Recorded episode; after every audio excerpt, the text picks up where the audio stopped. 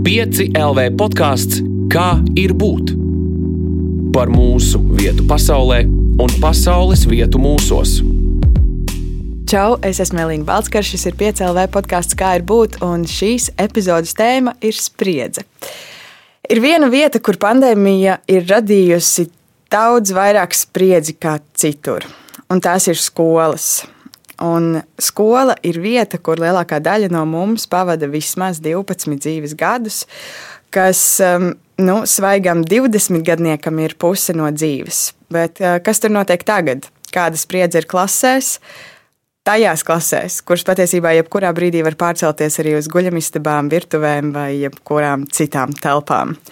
Lai par to runātu, pie manis šodien ciemos ir skolotājs, 24 gadus vecais Rihards Matīs Vilcāns. Matīs Rihards Vilcāns. Eh, es saprotu, ka Matīs. Jā, Matīs. Čau. Čau, Matīs. Ehm, kā ir skolā šobrīd? Šobrīd. Um, nu, ir labi, tāpēc, ka mēs joprojām esam klātienē, bet tā spriedze ar kaut kādiem katriem jauniem noteikumiem. Nu, ja mēs runājam par spriedzi, tad viņi tiešām pieaug.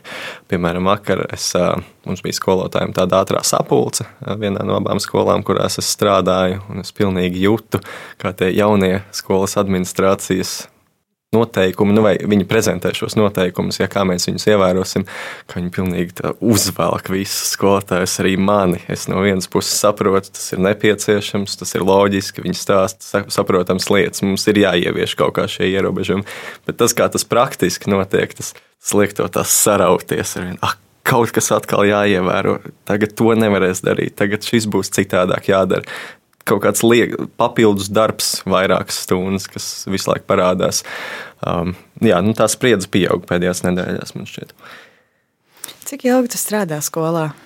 Uh, šis ir mans trešais gads, iet šobrīd, divi pilni gadi. Un kāda vieta ir skola, ja tev vajag skolu raksturot kā vietu un ne kā ēku?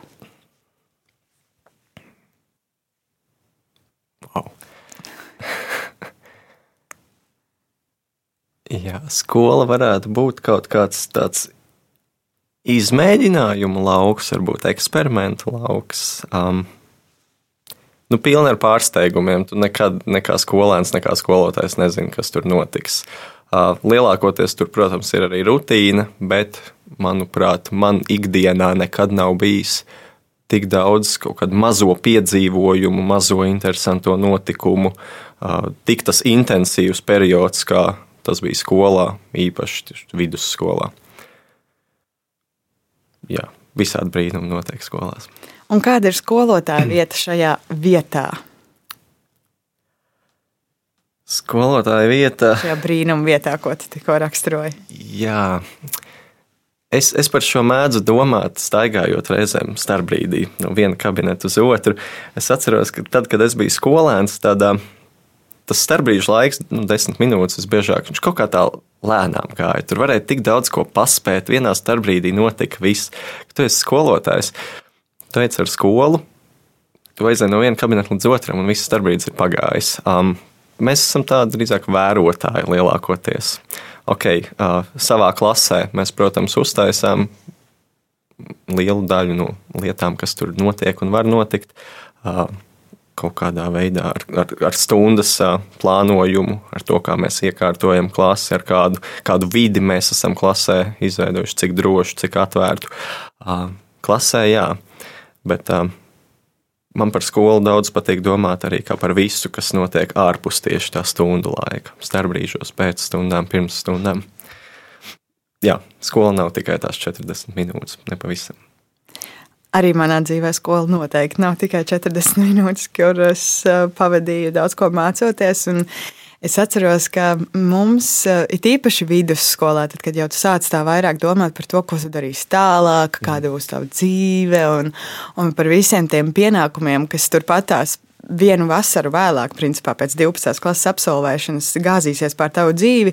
Es atceros drausmīgi bieži to to kaut kādu sajūtu un no klases biedriem arī izteiktu vārdos, ka Nu, skola jau mums dzīvē neko neiemācīja īsti. Mēs neiemācījāmies, nezinu, maksāt uh, rēķinus un, un beigu beigās kļūt vienkārši par cilvēkiem. Jā, mēs mākam rēķināt un atceramies kādu vēstures faktu, varbūt, un mākam uh, augus klasificēt, uh, kā nu, tas bioloģijā bija jādara.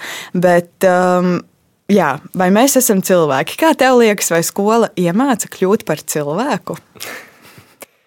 Okay, um, es atkal vairāk no savas personīgās pieredzes tikai. Um, man skola, manuprāt, iemācīja lielāko daļu lietu, iemācīja organizēt uh, cilvēkus, pasākumus, um, iemācīja sarunāties ar cilvēkiem, draudzēties ar cilvēkiem, mēģināt vai būt kaut kādā ziņā interesantam ar cilvēkiem, vai interesanti pavadīt laiku. Nu, arī tīri satura ziņā, prasmju ziņā. Jā, man noteikti skola ir daudz iemācījusi. Es, nu, es, es tagad ātri domāju par citām vietām, kas varētu būt ar līdzīgu to devumu. Man nenāk nekas prātā. Nu, labi, sporta treniņi, bišķiņa cita veida pieredzes, um, ģimene, līdz kaut kādam dzīves posmam, jā, bet, kā jau teicu, 12 gadi, lielākā daļa dienas laika, nu, vismaz kas pavadīts nomodā. nu, tur paiet, un mēs neizbēgam tur daudz iemācāmies, gribam vai negribam. Bet, manuprāt, ja grib, tad tur var krietni vairāk iemācīties. Jā, laikam jau tā ir, kad mēs runājam par skolu. Mēs uzreiz iedomājamies klases tāfeli un, un solis, bet patiesībā, kā jau tu saki, skola ir arī ceļš uz skolu, vai ne? Katrs starpbrīdis starp to, un, un beig beigās arī vasaras brīvlaiks kaut kādā mērā ir daļa no skolas, vai ne? Jā, um, tā skola kaut kur tāpat vienmēr paliek, bet tā, nu, tas, ko tu teici par tiem rītiem pirms vai pēc skolas, um, tīri manā pieredzē, uh, tas, kas, piemēram, manā klasē, vidusskolā, desmitajā klasē, kaut kādā apmēram izveidojās tāda sarunu uh, vakari ar klases biedriem, galda spēļu vakari, teātra gājieni, uh, triku rādīšana, tāds gudras sarunas, kur mēs mēģinām kaut ko analizēt uz pāris pieejamu faktu bāzes. Nu, es nezinu, tāda apstākļa, manuprāt, rodas vismaz jauniešu vidū tikai skolā. Un man liekas, ka viena no tām lielākajām problēmām, kāpēc jaunas draudzības ir arvien grūtāk atrast pēc skolas, pēc studijām, nu, ir tas, ka mēs neesam tik tādos daudzveidīgos, intensīvos apstākļos pēc tam vairs. Tu pieminēji ļoti daudz lielisku lietu, kuru šobrīd vai nu nav, vai nu tās ir ļoti ierobežotas, vai arī vismaz mēs ļoti strauji ejam ceļā uz to, ka tās tiks strauji ierobežotas. Jo, ja vasarā mēs vēl varējām dzīvot brīvāk, tad nu jau ir atkal izsludināta ārkārtējā situācija, un, un daudzas aktivitātes ir ierobežotas. Kas paliek no tās skolas? Kas ir tas, ko mēs zaudējam pandēmijas laikā, kas ir tā pievienotā vērtība, kas tiek atņemta? Tas, ko es pats personi, gan personīgi, gan domājot par skolēniem, vissāpīgāk izjūtu, tie ir dažādi pasākumi, tās pašas nezinu, balles, ekskursijas, visa šī mazā ikdienas miedarbība starp klasēm. Dažiem skolēniem tie būs arī interešu izglītības pulciņi, kas tagad zūd, vairs nav pieejami, nu, ja nav vakcīna. Jā, nu, arī man kā skolotājiem ir, ir žēl un, un būtu forši pieredzēt uh, izlaidumu. Uz, nu, agrāk tas notika Dāvidas teātris skatuvē, vismaz pirmajai gimnājai. Uh, pieredzēt kaut kādas ekskur, foršas ekskursijas ar skolēniem, skolas balli. Uh, pat ja tur tikai dežūrē, tu tāpat esi tajā tā kādā enerģijas, jaunības virpulī, kas tur notiek gribas tur atrasties, es jūtu, tas veselīgi iedarbojas. Uh, jā, bet man, man šis viss ir gājis secen. Es neesmu piedzīvojis nevienu, nezinu, vai šogad piedzīvošu, piemēram, pēdējo skolas dienu, 31. māju. Uh, dažādus svētkus es esmu palaidis garām. Ļoti žēl par šo. Uh, bet es biju aizrunājis. Tas mm. pamatjautājums bija par uh, nu, ko mēs kas... zaudējam. Jo tā, tu, tur jā, tu sauc jau tās lietas, un, un tās ir skaistas lietas. Es domāju, kādas kāds tas zaudējums būs ilgtermiņā. Jo viens ir šogad zaudēt izlaidumu, vai šogad zaudēt nezinu, interešu izglītības kaut kādas aktivitātes, bet uh, ko tas nodarīs pēc pieciem, desmit gadiem, ja es šogad viņus zaudēju? Mm -hmm. Mm, es domāju, mazāk draugu, ne tikai skolēnu vidū, bet kas būtiski arī skolēni ar skolotājiem. Visi tagad skrien starpbrīži, nu, citur saīsināts, citur pagarināti, bet starpbrīžos ir kaut kādas papildus lietas, kas visiem ir jādara, vai kas prasa vairāk laika. Un vairs nav tik vienkārši skolēnam pienākt kaut ko pajautāt, vai vienkārši aprunāties, vai, vai kā man 11. klasē pienāca. Man literatūras skolotāja, ar ko mēs joprojām esam ļoti tuvi draugi, vienkārši pienāca pajautāja, par ko es rakstīšu ZPD. Es biju plānojis rakstīt kaut ko pilnīgi citu, un viņi saka, nē, Matīs, tev jāraksta literatūrā. Nu, tā izveidojās šī mūsu kaut kāda akadēmiskā sadarbība sākotnēji, kas atkal kaut kur pilnīgi citur aizved. Nu, jā, es domāju, ka šīs mazās ikdienas interakcijas zūd. Nebūs draudzības, nebūs kaut kādu kopēju piedzīvojumu. Par to man ir šausmīgi žēl. Es to visu laiku saku visur. Tu esi izvēlējies, manuprāt, ļoti drosmīgu ceļu. Skolotāja ceļš, manuprāt, ir ļoti, ļoti drosmīgs. Un tāpēc arī viens no maniem īstenībā šodienas galvenajiem jautājumiem tev ir, būt skolotājam ir aicinājums vai tāda karjeras izvēle?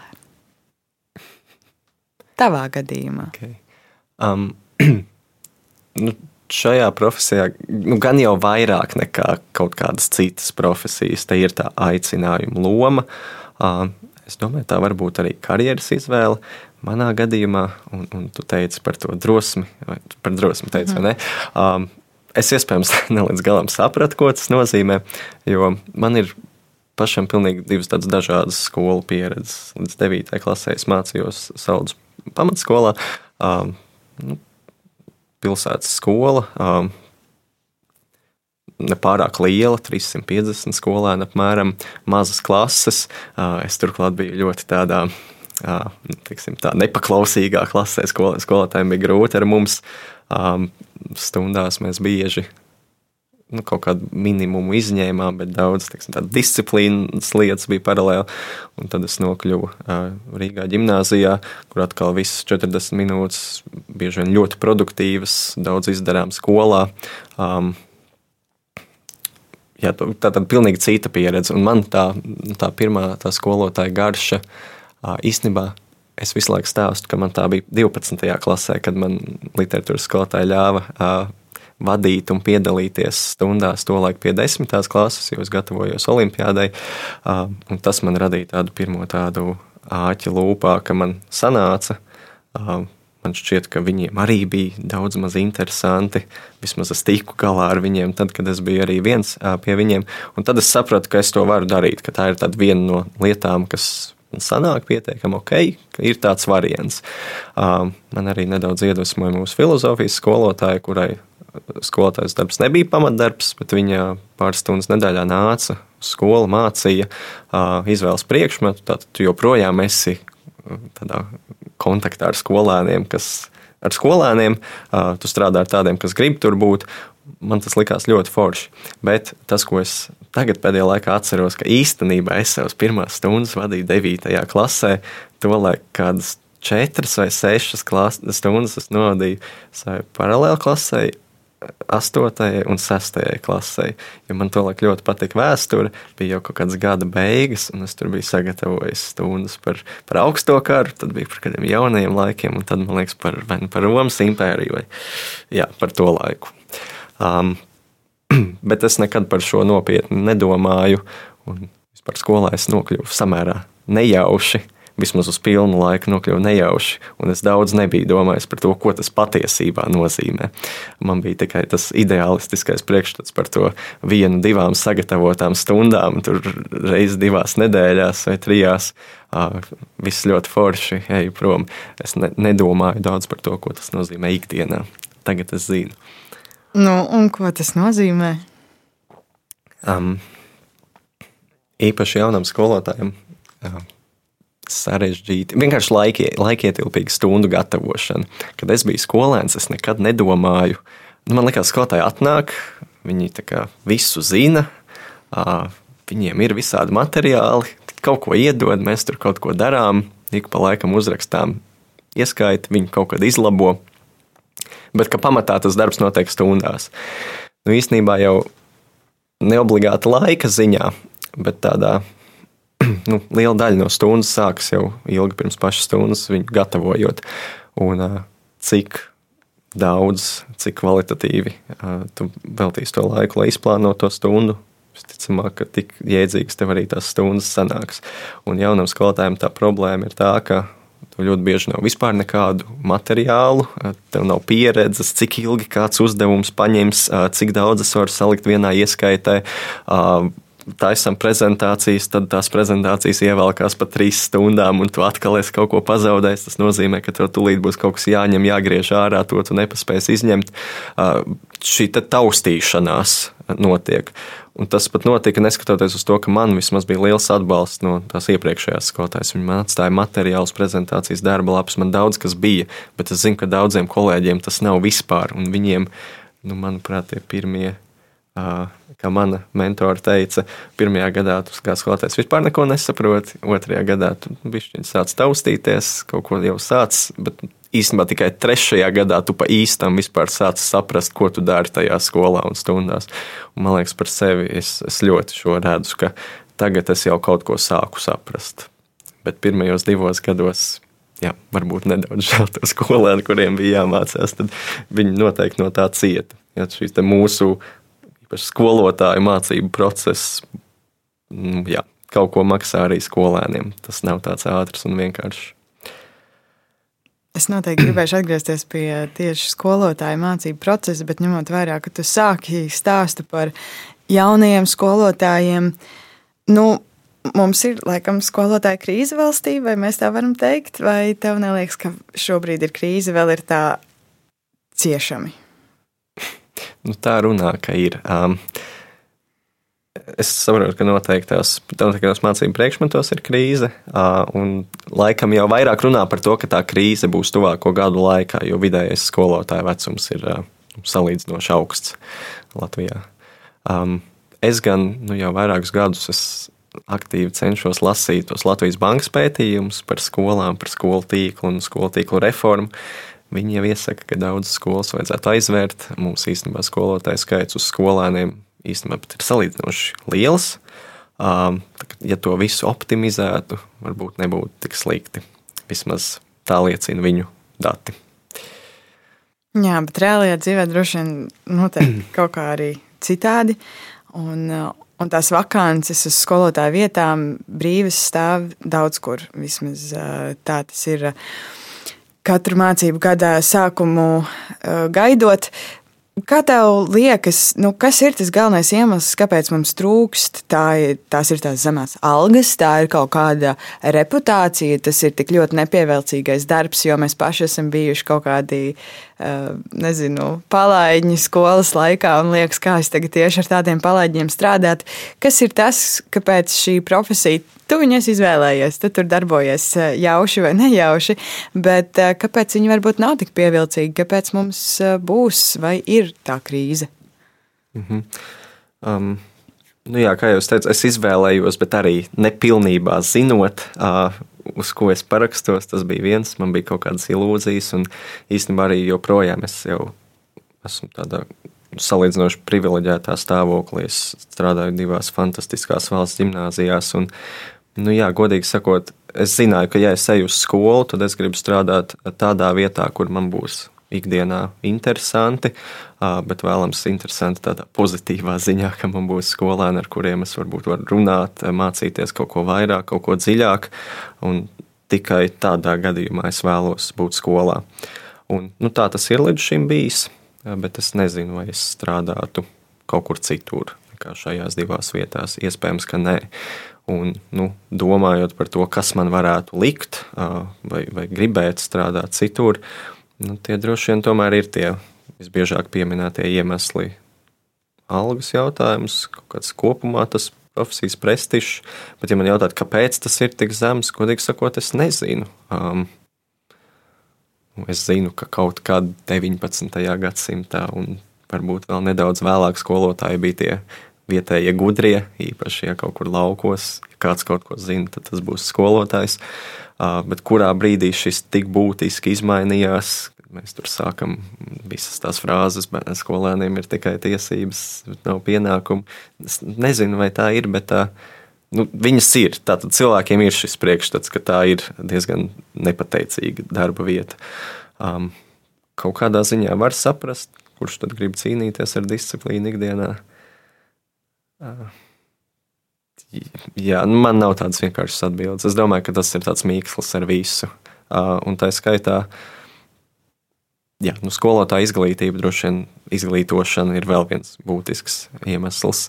Um, man ir neliela skepse par to, cik augstā līmenī viņi ir Latvijā. Mm.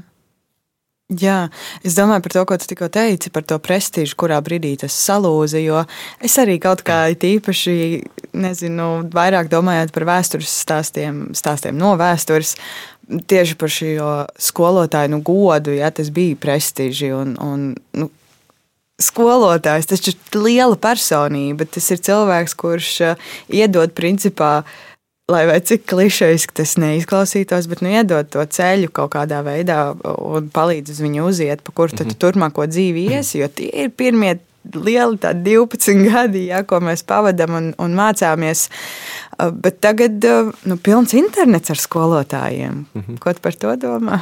Jā, nu es tagad tikai spekulēju, bet es pieņemu, ka līdz kaut kādam posmam, periodam vēsturē mēs, nu, skola deva to nepieciešamo, lai tu vispār par kaut ko kļūtu. Tur iemācīties rakstīt, kādu svešu valodu rēķināt, pamatus, un tad tu varēji ar to iet tālāk. Un kaut kādā brīdī iespējams mēs patiešām, varbūt vispirms bibliotekās, nezinu, presē, pēc tam internetā varam sākt mācīties vairāk, un skola varbūt liekas, ka drīzāk mūs bremzē, ka tērē mūsu vērtīgo laiku. Tad iespējams mēs kaut kādā brīdī uh, nokavējām jauno. Nepārgājām uz jaunu paradigmu izglītības sistēmā, kur, kur skola dod to, kas joprojām ir aktuāls un vajadzīgs, un tā neliekas kā laika tērēšana. Jo pat ja tā nav, un ļoti bieži arī tagad tā nav laika tērēšana, man parāk, man ilgu laiku nepatika tas jautājums, kur man šis noderēs, kam man šo vajag. Uh, nu, tev neviens to nevar atbildēt. Mēs nezinām, kas būs nākotnē, bet tu būsi šo iemācījies. Tev tas varbūt noderēs. Mēs nezinām, kas būs nākotnē. Neviens godīgi uz šo nevar atbildēt. Bet tomēr, ja ir, ja kaut kā var pārliecināt un mēģināt atbildēt uz jautājumu, kurš šis noderēs, nu tad droši vien tā mācīšanās ir efektīvāka un interese no skolēniem ir lielāka. Un jā, es nezinu, kurā brīdī tika nokavēta tā pāreja, bet ir tāda sajūta, ka tad, kad tas tika nokavēts kopš tā laika, tad ir šī skola kā kaut kāds laika kavēklis, kas atņem laiku un enerģiju citam būtiskākam. Varbūt tas eh, nav kaut kā saistīts ar, nezinu, kādu akadēmiskas vispār izglītības tādu negribu teikt, norietu, bet mēs kaut kā mazāk, man liekas, varbūt uzticamies tam, kas notiek zinātnē, ko mēs šobrīd īstenībā Latvijas kontekstā redzam arī um, visādos uh, citādos ciparos, kas ir saistīti, piemēram, ar, uh, nezinu, ar vakcinēšanos vai citām tēmām. Nu, mēs ticam viskaut kam citam un mazāk zinātnē, kur patiesībā nevajadzētu būt jautājumam par ticību droši vien, vai ne?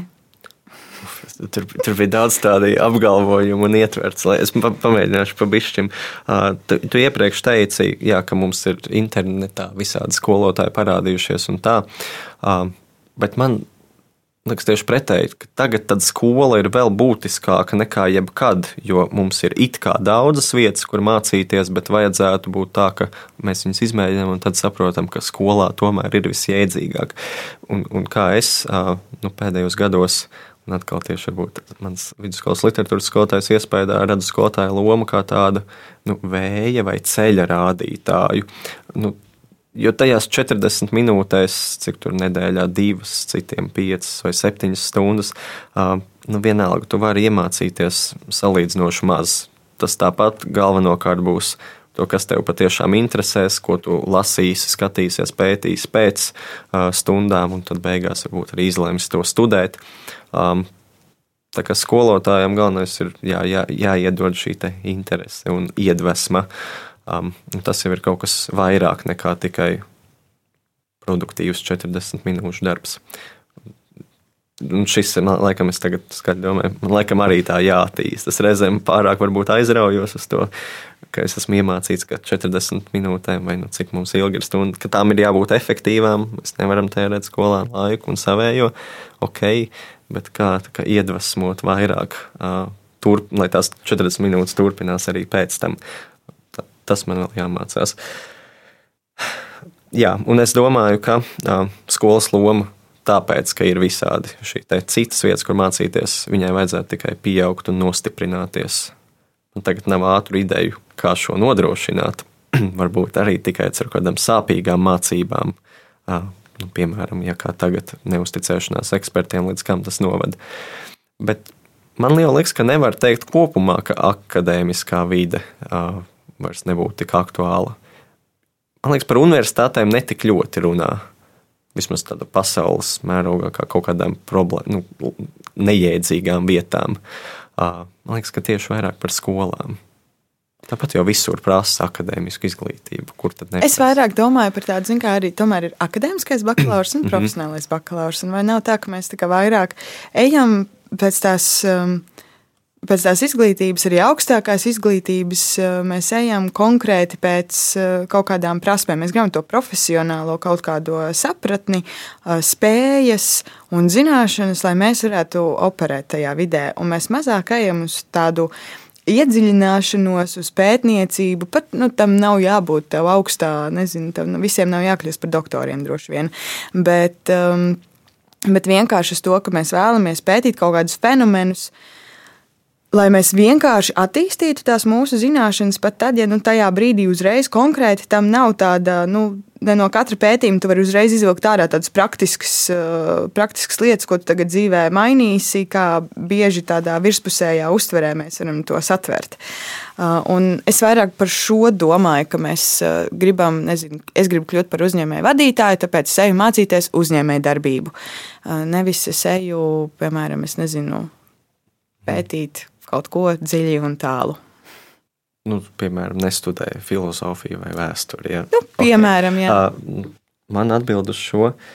Nu, bet tur arī jau kaut kāda kļūda tajā, ka es aiziešu un iemācīšos profesiju, tā, kur man šis noderēs, es varēšu vadīt uzņēmumu, vai es varēšu, nezinu, rēķināt kaut ko. Nu, mēs, man liekas, tagad visiem visur stāsta, ka mēs nezinām, kas būs nākotnē. Šodienas skolēni varbūt strādās profesijās, kas šobrīd vēl neeksistē. Nu, kā tad mēs varam iemācīt konkrēti kaut ko profesijai, kas vēl neeksistē? Nu, tad jau jau vairāk tas, vairāk tas akadēmiskais, vai tas ir bakalaurs vai kas, kas dod tieši nu, to plašāku, plašākus tos pamatus, tas mīkstās vai caurviju prasmes.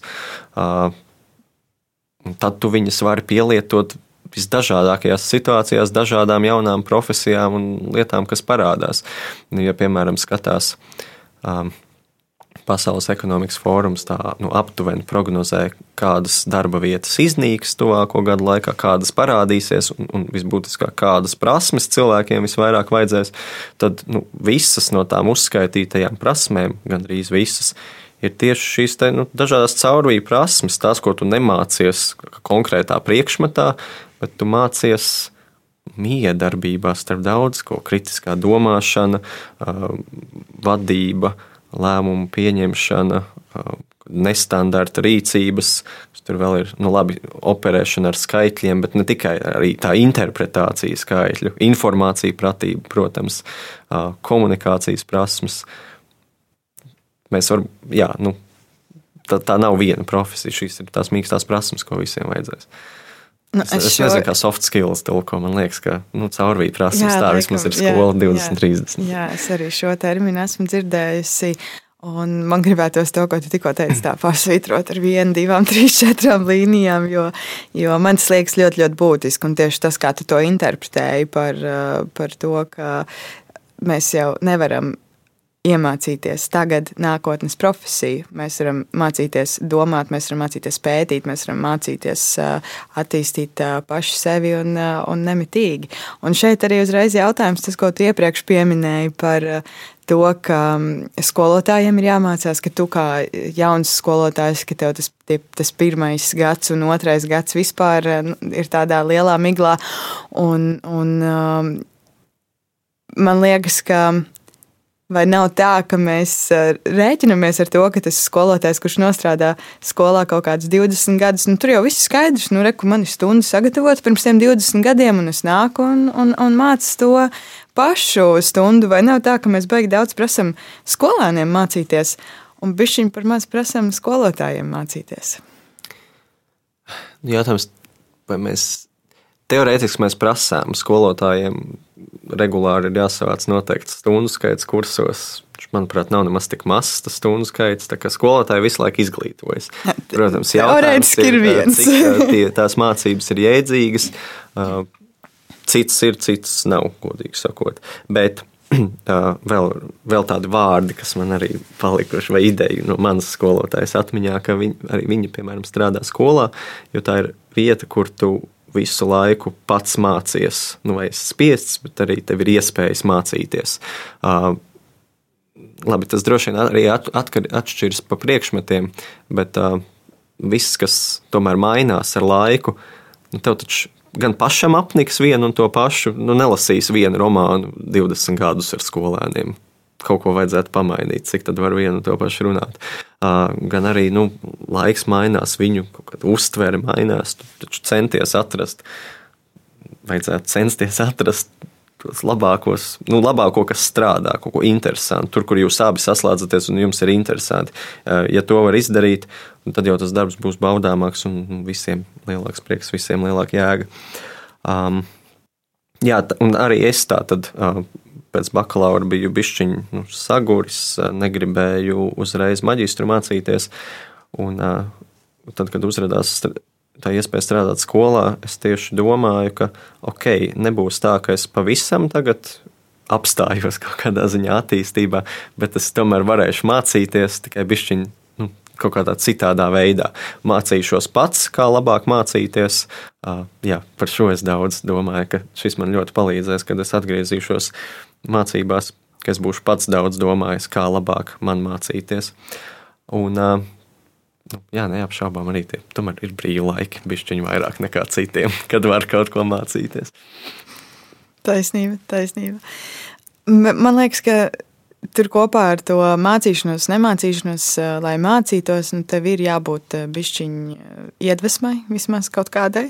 Uh, ir jāredz kaut kas interesants un jauns, un, un jābūt tai vēlmei. Un ir, man liekas, viena lieta, kas baigi to nogalina, uh, arī pandēmijā, uh, izdegšana vai pārslodze, vai saucam to, kā vēlamies, gan skolēniem, bet uh, šoreiz par skolotājiem Ko tu domā par to skolotāju izdegšanu? Un, jā, kā tu to vērtē šobrīd?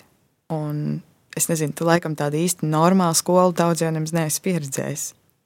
Jā, joprojām sanāk, es esmu vairāk mācījis attālināti nekā klātienē. Es neesmu nevienu pilnu gadu nomācījis normāli. Nezinu, nu, arī šis tāds mans trešais gads joprojām tāds nebūs. Uh, par izdegšanu Es laikam nevaru par tādu, par sevi daudz pateikt šajā ziņā, lai gan es jūtu, ka šogad varētu būt potenciāls. Nu, man tā sanāca visai liela slodze šogad uzņemties. Es reizēm šaubos, vai es varēšu šādā režīmā izvilkt līdz gada beigām veiksmīgi. Um, bet uh, es man nedaudz iespējams izdegu universitātes laikā, un tad man kāds uh, arī gudrs cilvēks teica, ka nu, ko nozīmē atpūsties. Atpūsties vienkārši nozīmē darīt kaut ko citu. Un tu teici, ka ir jābūt kaut kādai tai iedvesmai, uh, turpināt mācīties. Es domāju, mēs jau vienmēr kaut ko, nu, nezinu, piemēram, apnika man mācīties no grāmatām. Es varu iet, piemēram, dārzā, audzēt puķus. Nu, tur es mācīšos kaut ko jaunu. Gribu iet ar draugiem, uzspēlēt uh, futbolu. Nu, to arī var uztvert kā kaut kādu mācību turpinājumu. Tu vienkārši nomaini to, ko tu dari, lai tev atkal ir interesanti atpūties no tā pārējā. Nu, tā varētu mēģināt neizdegt. Skaidrs, ka cilvēkiem jāstrādā katru nedēļu. Un bišķiņ citādāk. Bet, bet vēl, jā, vēl viena būtiska lieta. Man atkal grūti runāt par visiem, par to interesi zaudēšanu. Es nezinu, man liekas, lielā mērā pateicoties mammai un vispār cilvēkiem, kas bija apkārt, kad es biju mazs. Viņi vienmēr atbildēja uz maniem jautājumiem. Es biju ļoti ziņā, gan zinātnēkārs, gan ziņkārīgs. Viņi nenokāva nekādā veidā man to uh, zinātnēkāri, un arī skola nē. Tāpēc man reizēm ir grūti empatizēt, grūti saprast tos, kas saka, ka, ka, jā, ka skola ir nokāvusi to kaut kādu zinātnēkāri. Man tā nebija. Man ir grūti iedomāties, kā tas iespējams. Uh, Man liekas, kaut kas jau cilvēks interesē vienmēr, pat ja tie nav akadēmiski priekšmeti. Vienalga, tas ir sports, spēles, datorspēles, vienalga.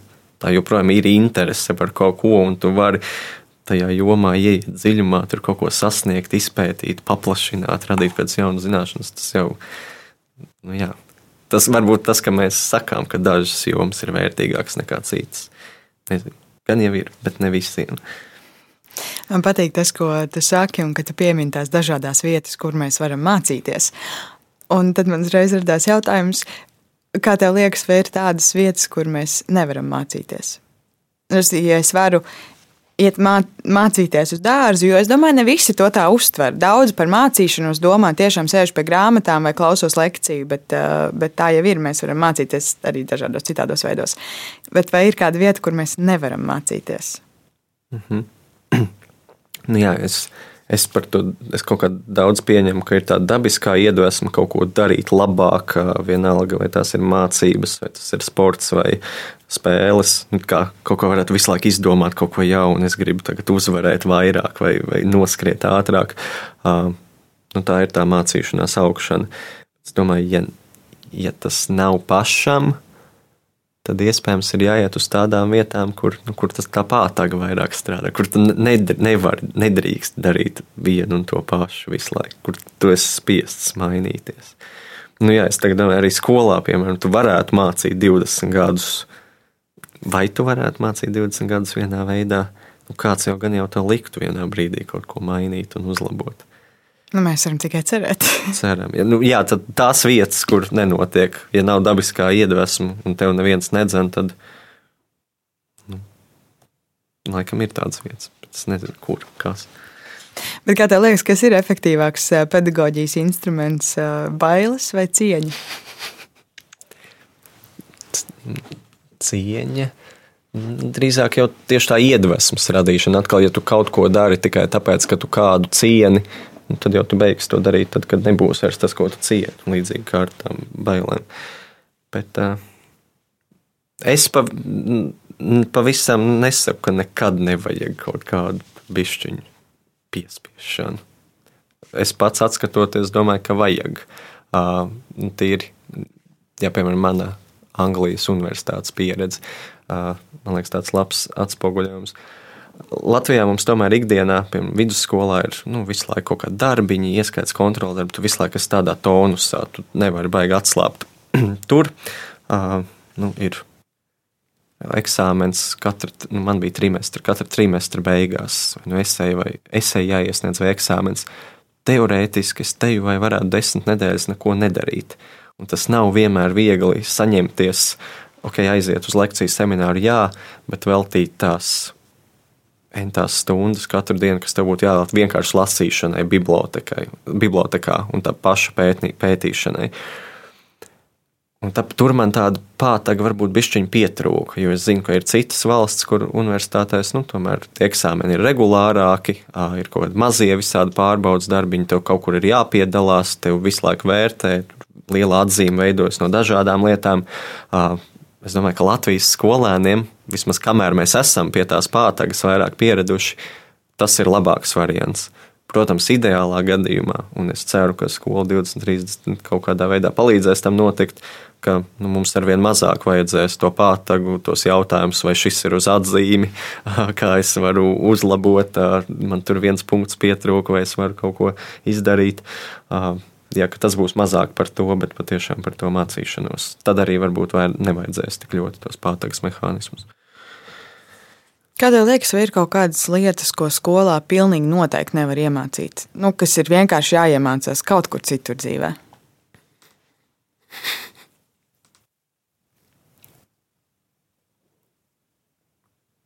Tā kā pašam jāiemācās, vai kur būtu jā, tas jāiemācās jau iepriekš.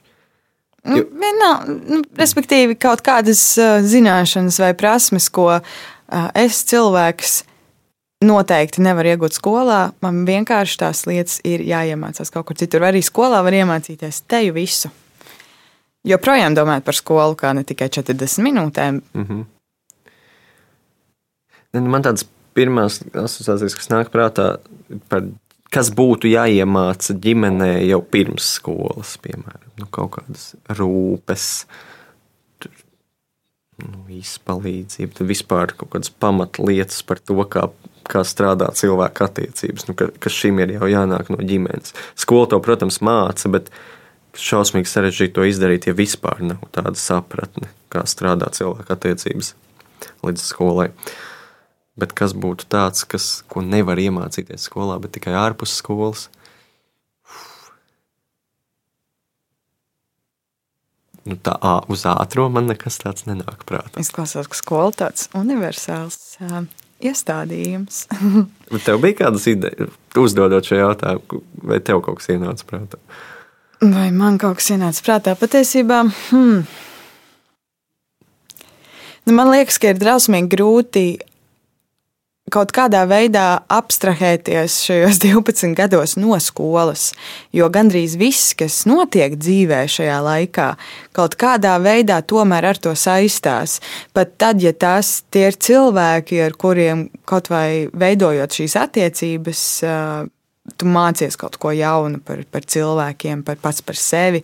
Visticamāk, ka tie cilvēki arī kaut kā ir iegūti no skolas, jo liela daļa draugu jau tomēr ir tieši no skolas. Uh, vai no aktivitātēm, kas ir saistītas ar to. Nu, tas ir tos 12 gadus tāds nu, centrālais punkts dzīvē. Tu tur pavadi ārprātīgi daudz laika. Mm -hmm. Ok, jā, īstenībā pāris foršas domas tu pasviedas. Jā, tieši iespējams, skolā nevar iemācīties kaut ko sākt pilnīgi no jauna. Jo vai tas būtu mācību priekšmets, vai tā būtu klase, tev vienmēr vilksies līdzi jā, kā tu teici, tās attiecības ar cilvēkiem, vai tas, ko tu šajā mācību priekšmetā esi vai neesi apguvis, tagad, tagad tev tas velkas līdzi. Bet, jā, kā piemēram, draudzēties, runāt ar cilvēkiem, pilnīgi neviens tev nezina. To tu skolā nevar iemācīties, jo visi tev vienmēr būs zinās kaut ko par tevi, kaut vai tavas iepriekšējās atzīmes, zinās skolotāji, piemēram. Uh, nu jā, to var pilnīga vidas maiņa tikai izdarīt. Jā, droši vien arī kaut kāda interesēšanās nu, par kaut kādām lietām ļoti patstāvīgi. Jo skolā tomēr nu, lielākoties tev tās idejas virzienus visu laiku iedod. Pat tad, ja tie ir tādi mazi aizmetnīši, tev tāpat tās rāda apmēram, ko mēs mācīsimies, vai ko mēs varam interesēties, vai re, kur ir grāmata ar simts uh, autoriem, izvēlēties vienu. Nu, tev ir visu laiku kaut kādi pavadieni. Man liekas, ārpus skolas nu, nākas iemācīties, ja tev interesē kaut kas pilnīgi cits, nu, pilnīgi cits tādā tēma lokā. Kā mācīties pilnīgi, pilnīgi pašam, arī bez šiem pavadieniem. Kaut gan nu, skola palīdz jau ar tām prasmēm, protams. Bet, protams. bet es arī domāju, kas ir, ir tās tēmas, kuras nu, nekad nemaz skolā netiktu pieminētas. Grūti minēt, es senācu pie skolā. Es nezinu, ko tur tagad māca. Kur ir konkrēta profesija, piemēram, vai nezinu. Nē, es domāju, ka tas var būt tādas ārprātīgi kaut kādas specifiskas uh, intereses. Uh, nezinu, būtu jāpadomā par to. Būtu jāpadomā. Vienkārši liekas, ka skolā vienmēr atrastos vai nu kāds skolotājs, kurš kaut ko par to zinātu un kaut nedaudz tev kaut ko varētu pateikt vai palīdzēt. Vai pavisam noteikti skolēni, kam tas arī interesē. Un tad atkal, ja jūs satiekaties skolā, jums izrādās ir viena ļoti specifiska interese Lūk, jūs satikāties skolā un jums ir sākums jūsu kopīgai sadarbībai. Vai arī tagad jūs satiekaties Zoomā vai MSTīmā vai jebkur citur, kur ļoti iespējams jūs uz šādām blakus sarunām nemaz nesatiekaties. Un, un tad ir mans jautājums tev par šo. Vai ir kaut kāds veids, kā tu centies palīdzēt savu skolēnu nu, tādai mentālajai veselībai un labsajūtai un tam grūtiem laikam, kuram viņi iet cauri? Jo es ticu, ka tev ir grūti, bet es ticu arī, ka viņiem ir grūti. Ja, ne, neapšaubām, viņiem ir grūti. Man grūti, jā, nevaru iztēloties, kā man būtu mācīties skolā, īpaši, ja tās būtu kaut kādas vidusskolas otrā puse. Uh, tieši tajā, cik daudz tu palaidi garām. Nu, par laimi, viņi nekad nezina, ko viņi palaid, nezinās, ko viņi palaiduši garām. Uh, kā es cenšos palīdzēt? Nu, tāds ir viens ļoti praktisks piemērs. Es krietni vairāk dažādus pāru un grupu darbus un uh, sarunām balstītus darbus centos darīt uh, attālināto mācību laikā. Mm. Nu, jā, mums tā mācīja, ka tas ir labs veids. Atkal gan citi psiholoģijas pētījumi varbūt rāda, ka tur likt slēgt kameras iekšā un runāt, nu, kas, manuprāt, ir tāds priekšnosacījums, lai kaut kāda diskusija vai sadarbība vispār notiek, ka jūs redzat viens otru. Tas varbūt tomēr nenāk par labu bēr, bērnu garīgajai veselībai. Tā kameras slēgšana jau īpaši. Man tas likās ļoti svarīgi. Man liekas, ka tas visiem varētu palīdzēt, ja mēs redzam viens otru. Kaut kāds pētījums saka, ka nē, tas tikai lielāku stresu izraisa. Bet jā, nu es centos um, dot šos te grupu darbus, lai viņiem ir Tas nekas grupu darbā, tu varbūt reizēm neiedziļinies tik ļoti, kā tu iedziļinātos, ja tu pats lasītu un mēģinātu kaut ko atbildēt vai uzdevumu pildīt. Bet grupu darbā tu vismaz runā ar citiem, varbūt neieej tādā dziļumā, bet tomēr esi spiests vai aicināts iesaistīties. Nu, tas tāds grupu darba pluss. Man pašam viņi nepārāk patīk skolas laikā, bet daudziem joprojām nepatīk. Tur ir šis tas labs, objektīvi. Uh, Un tad es mēģināju ar savu audzināmo klasi un vēl dažām klasēm parādīt viņiem. Tas buklets interesants iznāca. Nu, Nils Saks, Konstantīnos, kam, protams, man liekas, daudz skolotāji cenšas sekot līdz šajā posmā un tvert kaut kādus padomus no viņa. Publiskajā telpā daudziem jēdzīgajiem rakstiem un intervijām tāds buklets iznāca jā, par pirmā psiholoģiskā palīdzība. Tur bija arī tādas praktiskas metodes, kā nomierināties, sazemēties, ko darīt, ja tuvojas trauksmes lēkme. Um, ko es varbūt varēju vairāk darīt, ne, bet arī centos ar audzināmo klasi, ka viņi viens otram pastāsta tās praktiskās lietas, kas, kas kuram palīdz citam. Konkrēt, konkrēts mūzikas albums, citam tā ir pastaiga ar suni vismaz stundu dienā. Man pagājušajā gadā, nu, 8. klasē, bet tādiem jēdzīgiem padomiem dalījās. Es pār, pāris arī ņēmu vērā. Lai gan es vienmēr esmu bijis skeptisks par to, cik ļoti mēs klausām tajos labajos uh, dzīves padomos. Nu, tev vajadzētu pastaigāties stundu dienā. Es, es zinu, ka vajag. Bet...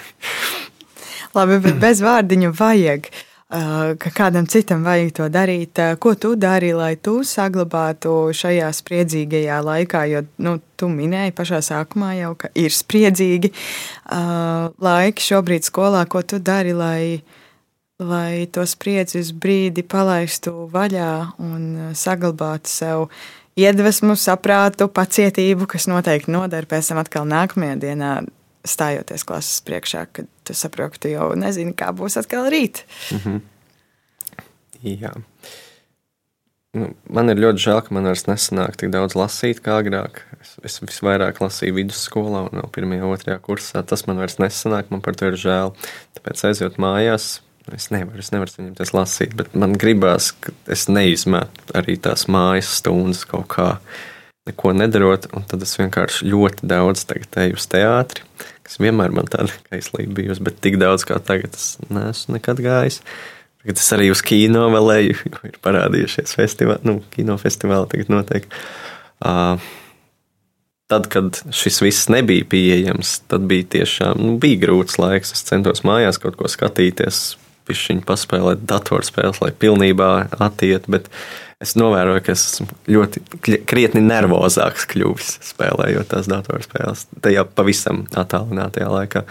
Es, jā, es ceru, ka tādā mēs vairs nekad neatgriezīsimies, ka kaut kāds kultūras minimums, kur tomēr esi cilvēkos, kur tu kaut bišķiņu vari satikties ar draugiem, ka tas turpinās notikt. Jā, nu, nevar visu laiku lasīt vai sēdēt mājās pats ar sevi. Taisnība.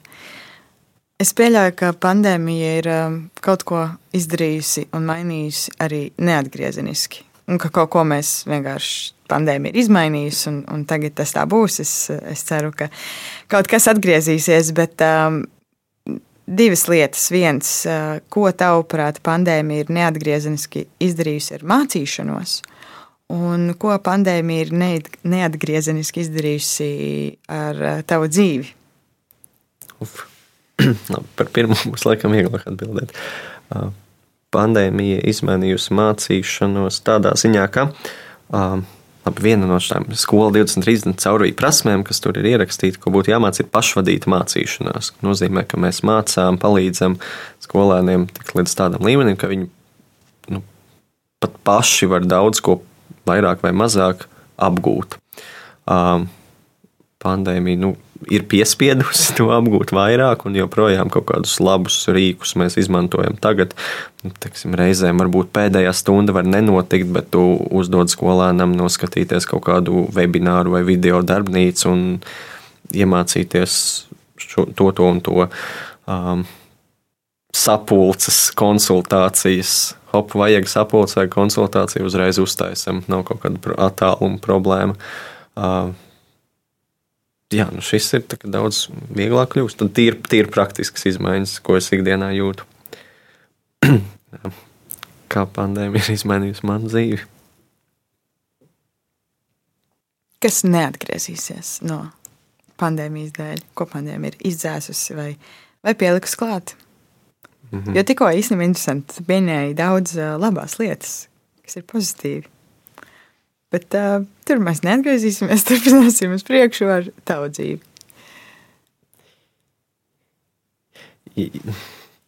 Nu šobrīd man ir tāds, nezinu, vai tā būs, bet uh, es agrāk tomēr biju vairāk tāds introverts, mājās sēdētājs. Es saku, es daudz lasīju, negāju. Bet tagad es Bet jau pirms pandēmijas, bet īpaši pandēmijas laikā sapratu, cik ļoti man vajag cilvēkus. Gan vienkārši vajag, bet es arī kaut kā man liekas, ka esmu. Esmu spiests būt, vai gribu būt foršāks, interesants, kaut ko darīt. Man vajag, lai cilvēki ir apkārt. Pats sēdēt un vienatnē es vairs pārāk nevaru. Es gribētu, lai es atkal varu. Um, Bet es nezinu, vai es varēšu. Man varbūt tagad visu laiku vajadzēs cilvēks, lai es kaut ko kaut cik iedzīgi izdarītu. Varbūt arī tas ir labi, ka vajag reizēm cilvēkus. Man tā vismaz gribas domāt. Um, bet uh, sākot jau doties uz sarunas otru pusi, pastāsti par savu kādu dzīves lielo skolotāju, kas tev, tev ir tāds skolotājs un kāpēc tieši viņš vai viņa un ko viņa tev iemācīja. Mm -hmm. Nu, man ir viena izteikta tāda skolotāja, jau daudz pieminētā latviešu valodas un literatūras skolotāja Daiga Zirnīta. Um, es kaut kad pamatskolas beigās biju sācis uh, lasīt. Es vienkārši vienā dienā izdomāju, jālasa kaut kāda pasaules literatūras klasika. Un tā es viņu lēnām sāku lasīt, un līdz vidusskolas sākumam jau šo to biju izlasījis. Un, uh, tajās viņas stundās es īstenībā pirmo reizi ieraudzīju, cik tāda patiesi baudāma kolektīva, varbūt mācīšanās, ka mēs daudz iemācāmies par dzīvi, par citiem cilvēkiem, sarunājoties. Un, nu, tajos nākamajos trīs gados jā, es, es ļoti baudīju tās literatūras stundas. Viņas bija tiešām interesantas, daudz sarunu, daudz dažādu radošu, neparastu uzdevumu.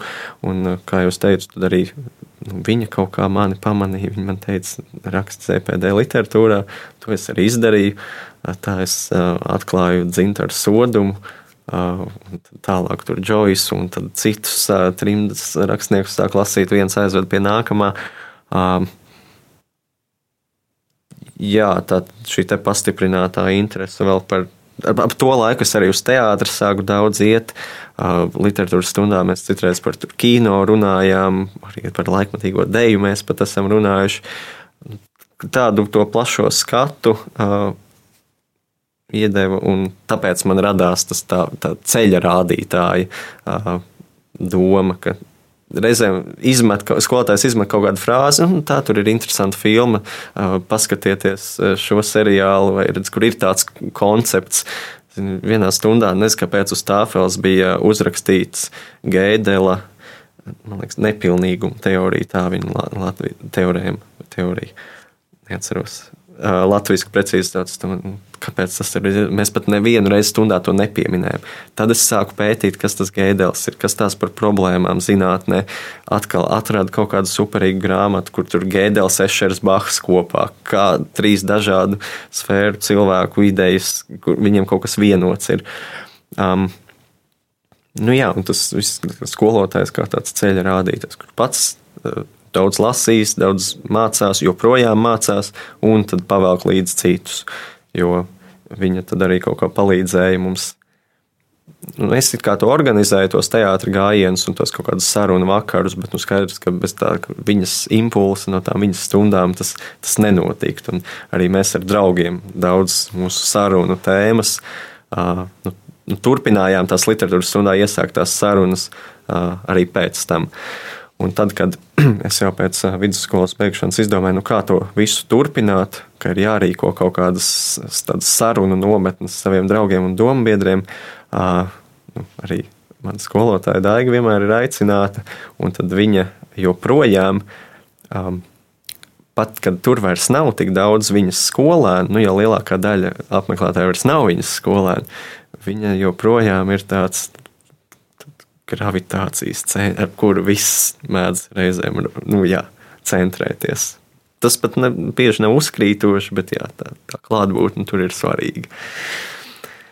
Izklausās, eh, izklausās tiešām lieliski. Man liekas, ka ir lieliski, ja katram ir kāds šāds skolotājs eh, dzīvē, kurš var tiešām kaut kam ieinteresēt, un, un pats galvenais, ka aizvilkt līdz tā interesē, kurā tu pats sācis, kā tu stāstīji, pats meklēt, pats kaut ko eh, skatīties, kaut kāds jauns virziens. Bet uh, mans pēdējais jautājums tev būs par nākotni.